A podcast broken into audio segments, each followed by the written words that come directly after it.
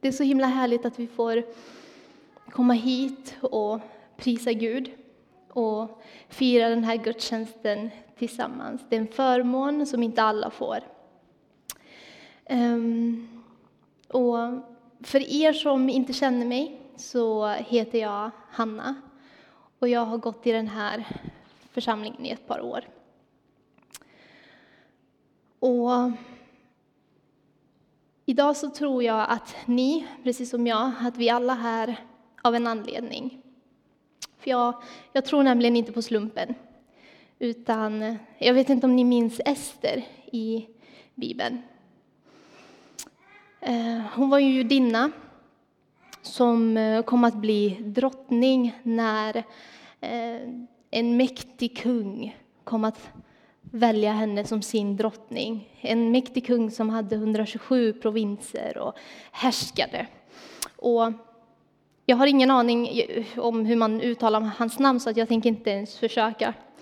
Ehm, men Ester kom ju att bli en räddning för hennes folk. Eh, och jag vet inte om ni minns Mordokaj, hennes farbror. Han gick till Ester och han, sa, han förklarade för henne hur läget var, vad man hade tänkt att göra med judarna. Eh, och så, så säger han så här till henne. Och kanske var det för en stund som denna som du blev drottning. Han menar på att det fanns ett syfte med att du, det här som har hänt dig inte bara är någonting som av slumpen, att du bara hamnar där. Utan det fanns ett syfte med att du faktiskt blev drottning nu. Och då tänker jag när han säger så, yes, he got it. Den här personen måste ju ha förstått det, eller nästan i alla fall. Han verkar lite osäker när han säger kanske, men, men han verkar ändå förstå att det finns ett syfte med oss. Och jag tänker, samma sak med Ester, att när Gud skapade henne så skapade han henne med ett syfte för just den uppgiften under den tiden. Och på samma sätt så tror jag att han har ett syfte för dig, för mig, för oss, här och nu. Och att det finns en anledning till att vi samlas på söndagar och att det finns en anledning till att vi samlas idag. Och jag tror att en del av anledningen idag, även om ingen av oss kanske blir kung eller drottning, är att vi ska få möta Gud. Um, och att vi ska få möta honom på ett speciellt sätt nu när vi firar gudstjänst. Och min förhoppning är att vi ska komma inför honom med en förväntan. Att vi ska möta honom med en förväntan, en förväntan på att få det helande vi behöver om det är det vi behöver. Få den trösten vi behöver om det är det vi behöver. Få den friheten vi behöver. Att vi ska gå till honom med förväntan om att han ska bemöta oss och beröra oss idag.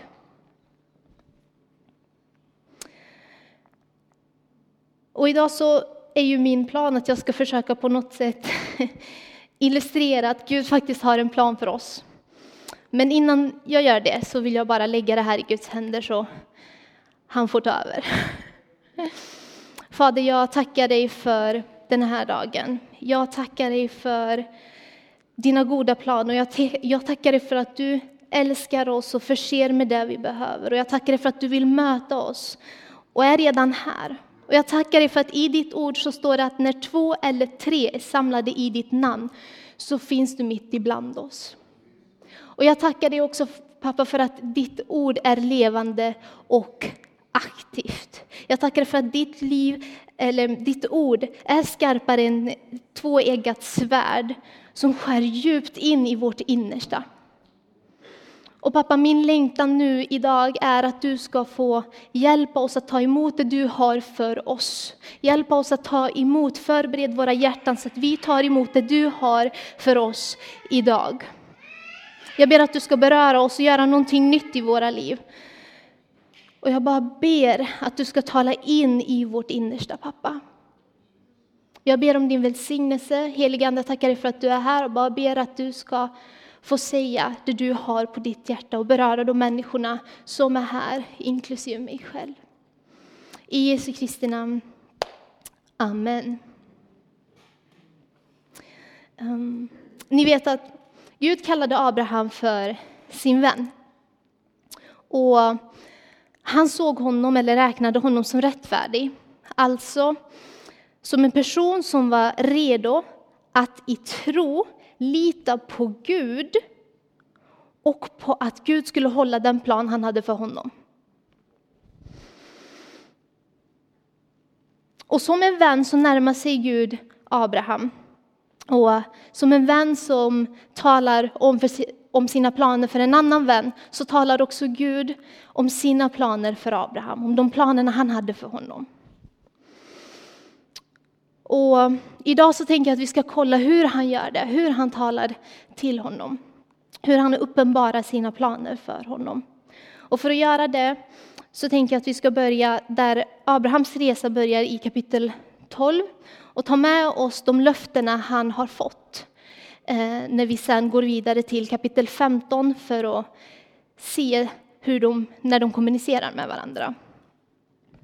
Och i kapitel 12 eh, så säger Herren Lämna ditt land, dina släktingar och din faders hus och gå till det land som jag ska visa dig.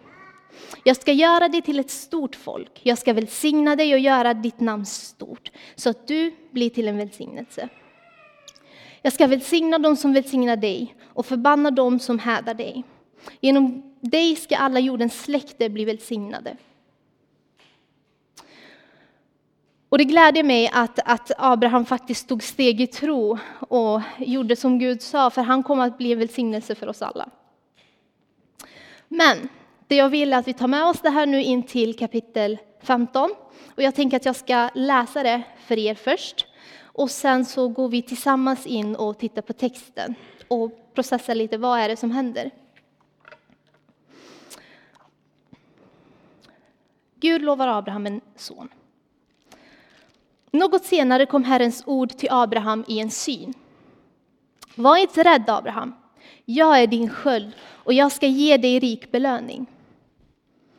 Men Abraham svarade, Herre, Herre, vad kan du ge mig? Jag går ju, ba jag går ju bort barnlös. Min tjänare Eliezer från Damaskus kommer att ärva mig. Abraham sa vidare, du har ju inte gett mig några barn och då blir det min tjänare som tar över som ärver mig. Då kom Herrens ord till honom igen. Nej, din tjänare kommer inte att bli din arvinge, för du ska få en son som ska ärva dig.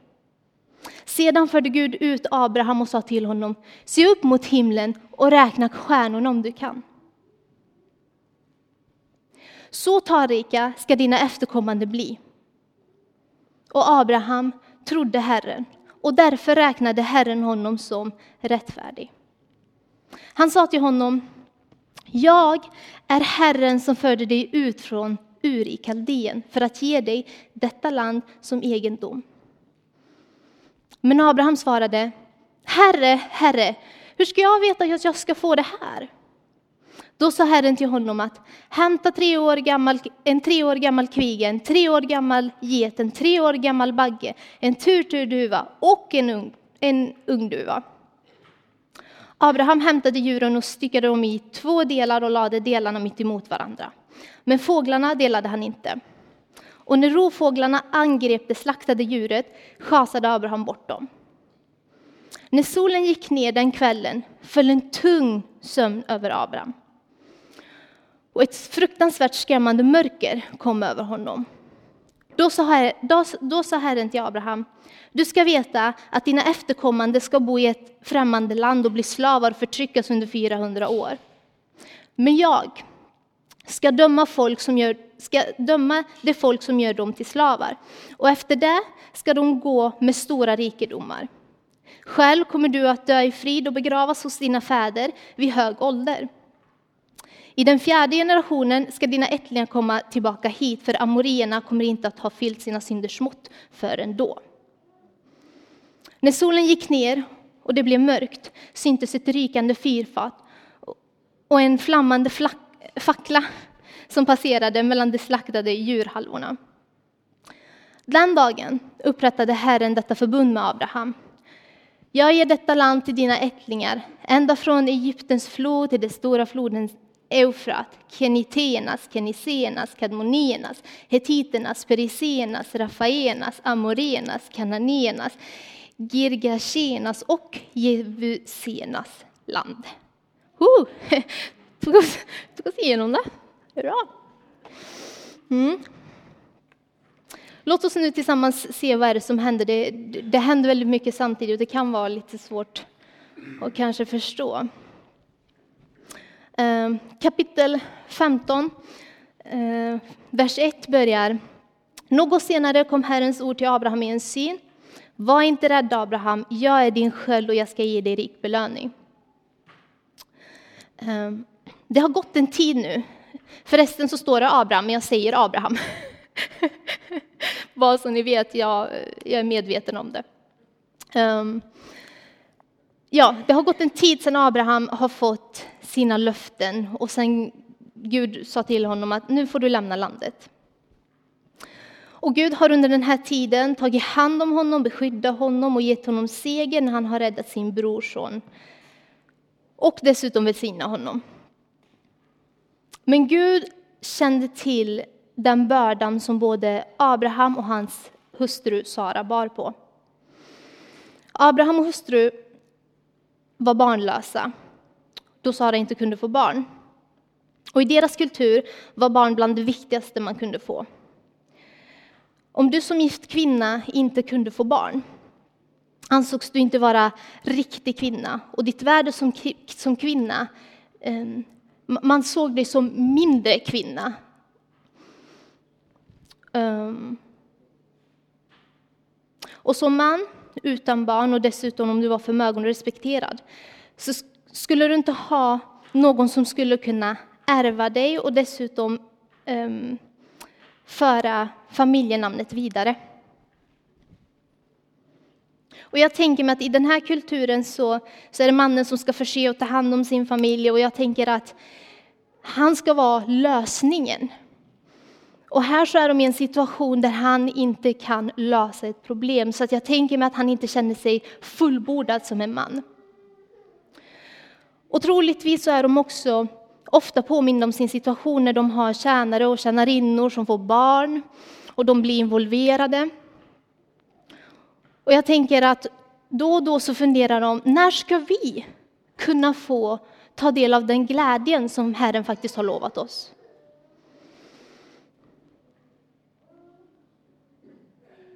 Och Abraham hade ju fått sitt löfte. Så nu så, även om det var ett tag sedan, så började han fundera, när ska det här hända och hur ska det här ske? Så när Gud kommer till honom och säger, nej, var inte rädd Abraham, jag är din sköld och ska ge dig rik belöning, som förresten i sig är en fantastisk uppmuntran, så säger Abraham istället, Herre, Herre, vad kan du ge mig? Jag går ju bort barnlös. Min tjänare Eliezer från Damaskus kommer att ärva mig. Abraham sa vidare, du har ju inte gett mig några barn och då blir det min tjänare som ärver mig.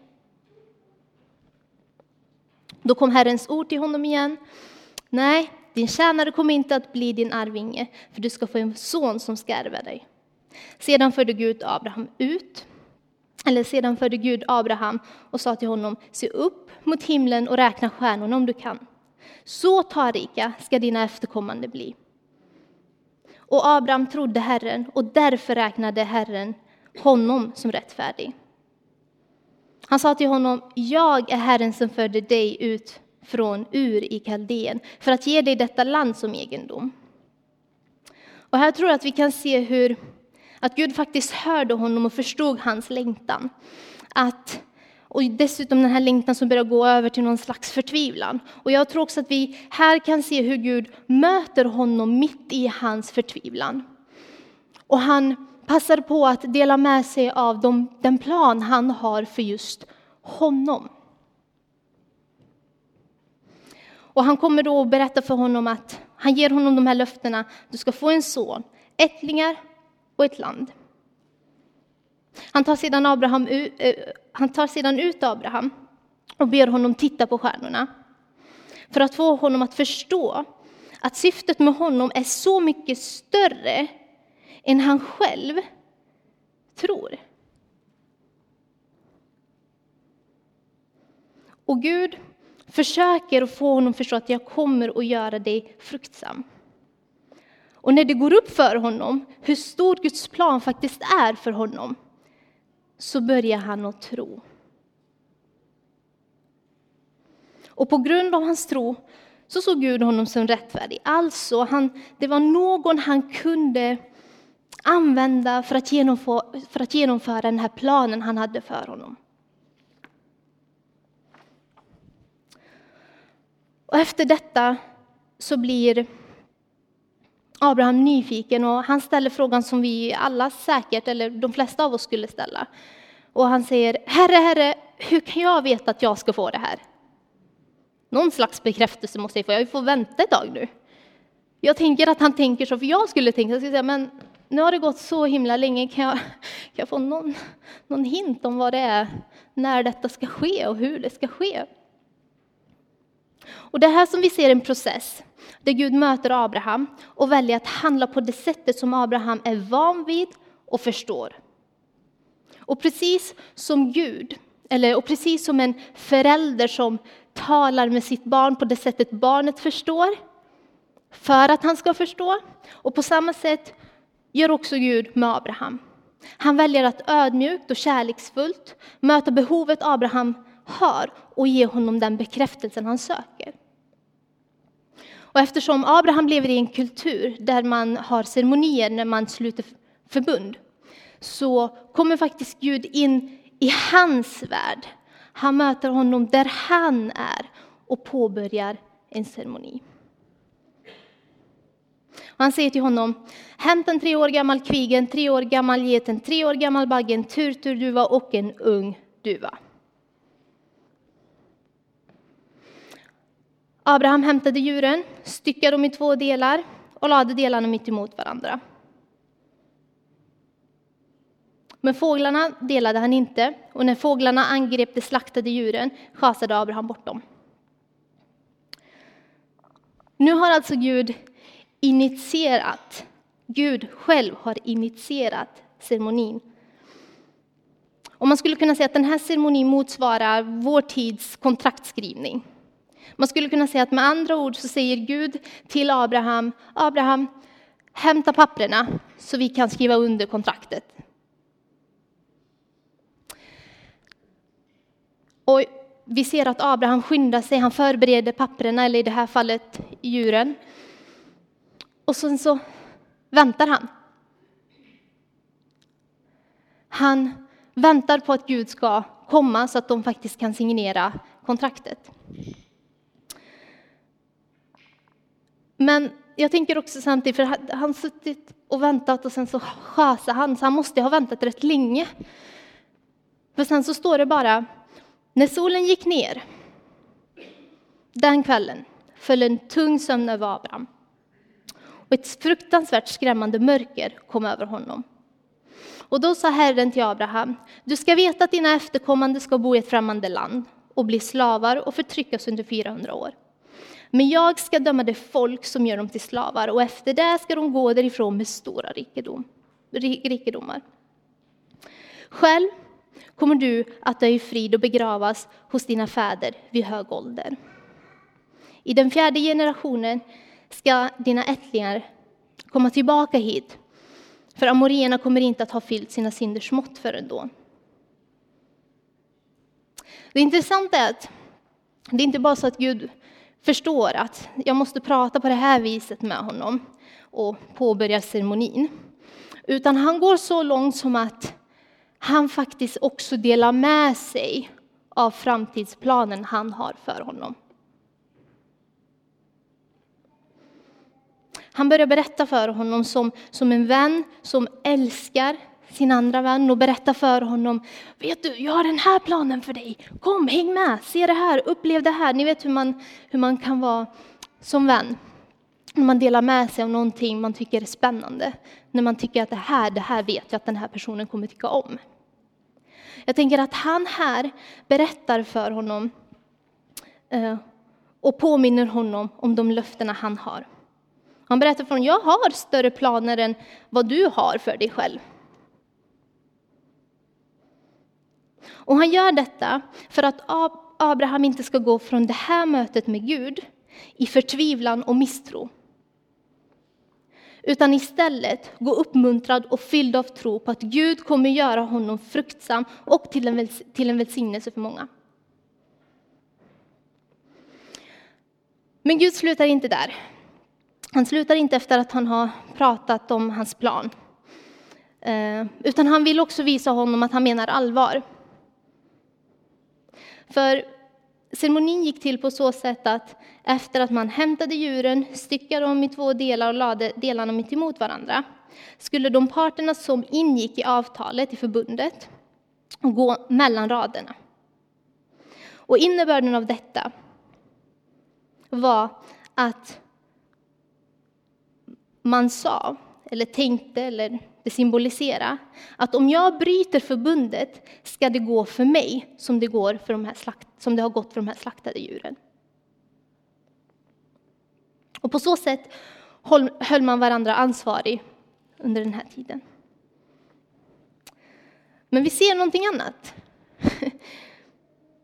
Här verkar Gud istället inte önska Abraham att det ska gå som det har gått för djuren. För, och jag tänker så här, när jag läser så tänker jag så här, men just det, jag måste ju komma ihåg. Han skrev kontrakt med en allvetande Gud som precis har uppenbarat för honom vad som kommer att hända. Det borde ju betyda att Gud visste om att Ismael skulle komma och att han inte skulle ha tillräckligt med tro. Att han skulle bryta förbundet. Så Gud väljer då att ta ansvaret själv. För att se till att hans plan för Abraham ska fullbordas.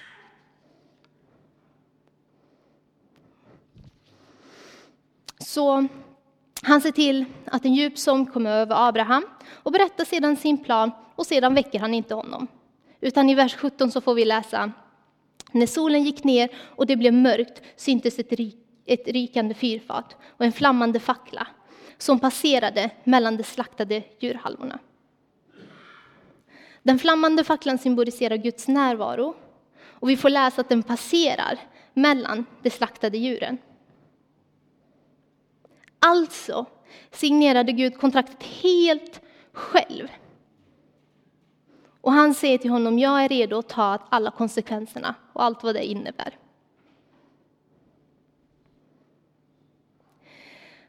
Vi får se i den här texten hur Gud tar sin tid för att försök efter försök försöka få Abraham att förstå och faktiskt tro på att han kommer att fullfölja det han har planerat för honom. Han kommer se till att det kommer att ske, för han är trofast. Och sedan så slutar det med att det står, den dagen upprättade Herren detta förbund med Abraham. Jag, säger, jag, jag ger detta land till dina ättlingar, ända från Egyptens flod till den stora floden Eufrat. Keniteernas, Geniseernas, Kadmoneernas, Hetiternas, Periseernas, Rafaenas, Amorenas, Kananéernas, Girgashenas och Jevusenas land. Vi har en ganska häftig Gud. Och han, han älskar och han är allvarlig när han, när han säger att han ska göra något. Han, han är trofast i det. Och jag tror att här så kan vi se att han är seriös. Gud är seriös när han ger när han försök efter försök försöker få Abraham att förstå att jag kommer att göra dig fruktsam. Men det är intressant, för att på samma sätt så ser vi också att Jesus försöker förmedla det här till oss i Johannes evangeliet 15.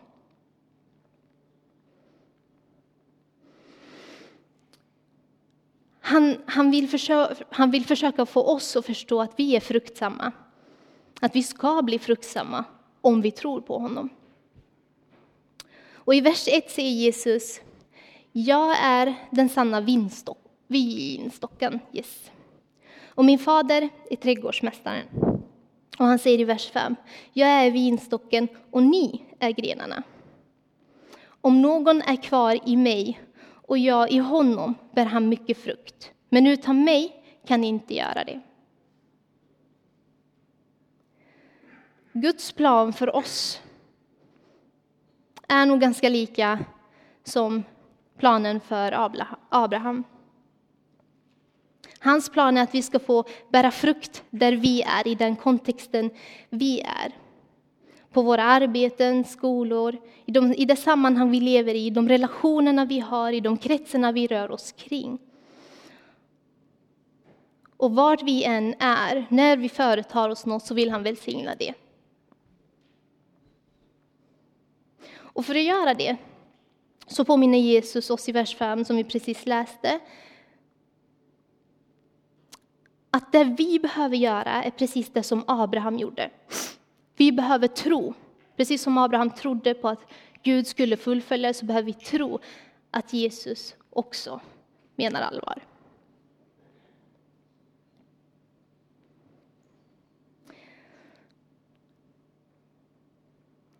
För om vi tror och blir hans lärjungar så är vi i Guds plan. Och är vi i Guds plan så kommer vi också vara en välsignelse för många.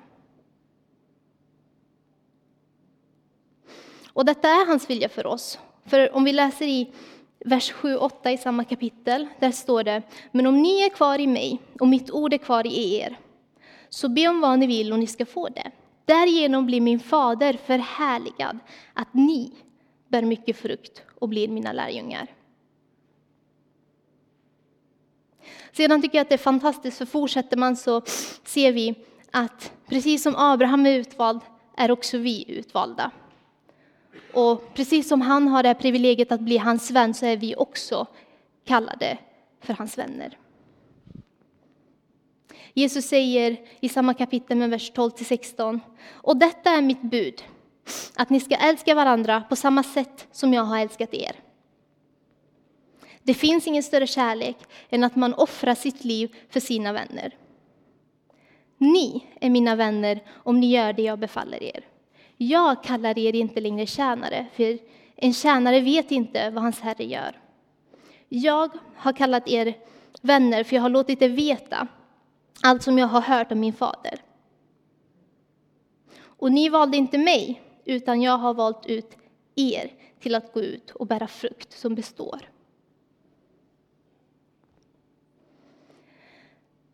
Jesus kallar oss för vänner precis som Gud kallade Abraham för vän. Gud tog hela ansvaret själv när han upprättade ett förbund med Abraham i kontraktskrivningen.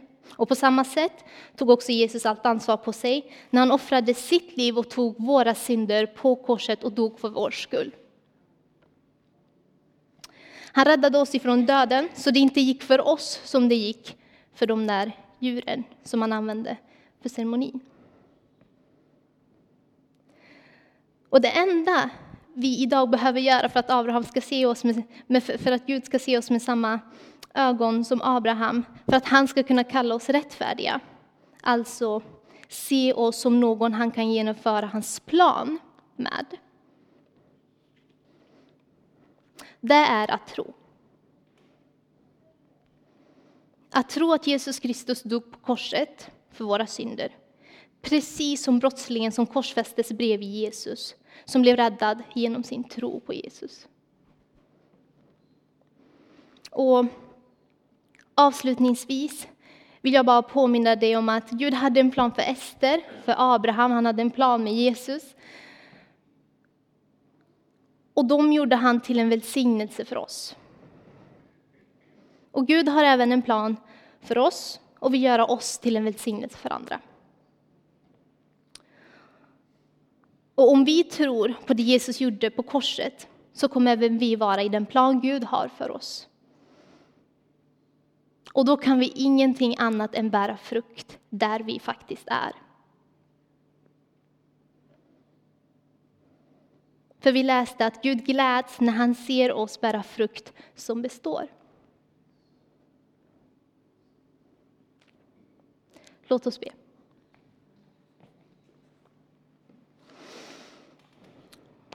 Fader, jag, jag tackar dig för den här stunden. Jag tackar dig för dina goda planer för oss. Jag tackar dig för att du har gjort oss till en välsignelse för att du vill välsigna det vi gör. Du vill välsigna det vi företar oss. Och jag tackar dig pappa för att du har talat in i våra hjärtan idag. Fader, jag, jag, jag ber att du ska ta bort allt som inte är av dig och det som är av dig ber jag att du ska göra så att det slår rötter, Fader. Låt det få vara någonting som förändrar oss. Låt, oss få, låt det påverka vårat, hur vi ser på oss själva, att vi faktiskt är en välsignelse, en lösning för den här världen. För de som inte känner dig, för de som inte ser dig, för de som inte har fått uppleva dig, pappa. Jag tackar dig för den här stunden och jag bara ber att nu när vi kommer med förväntan så ska du få välsigna det pappa. Så att den som behöver helande ska få sin helande och den som behöver befrielse ska få det, den som behöver tröst ska få det och den som behöver ett ord ska få det pappa. I Jesu namn. Amen.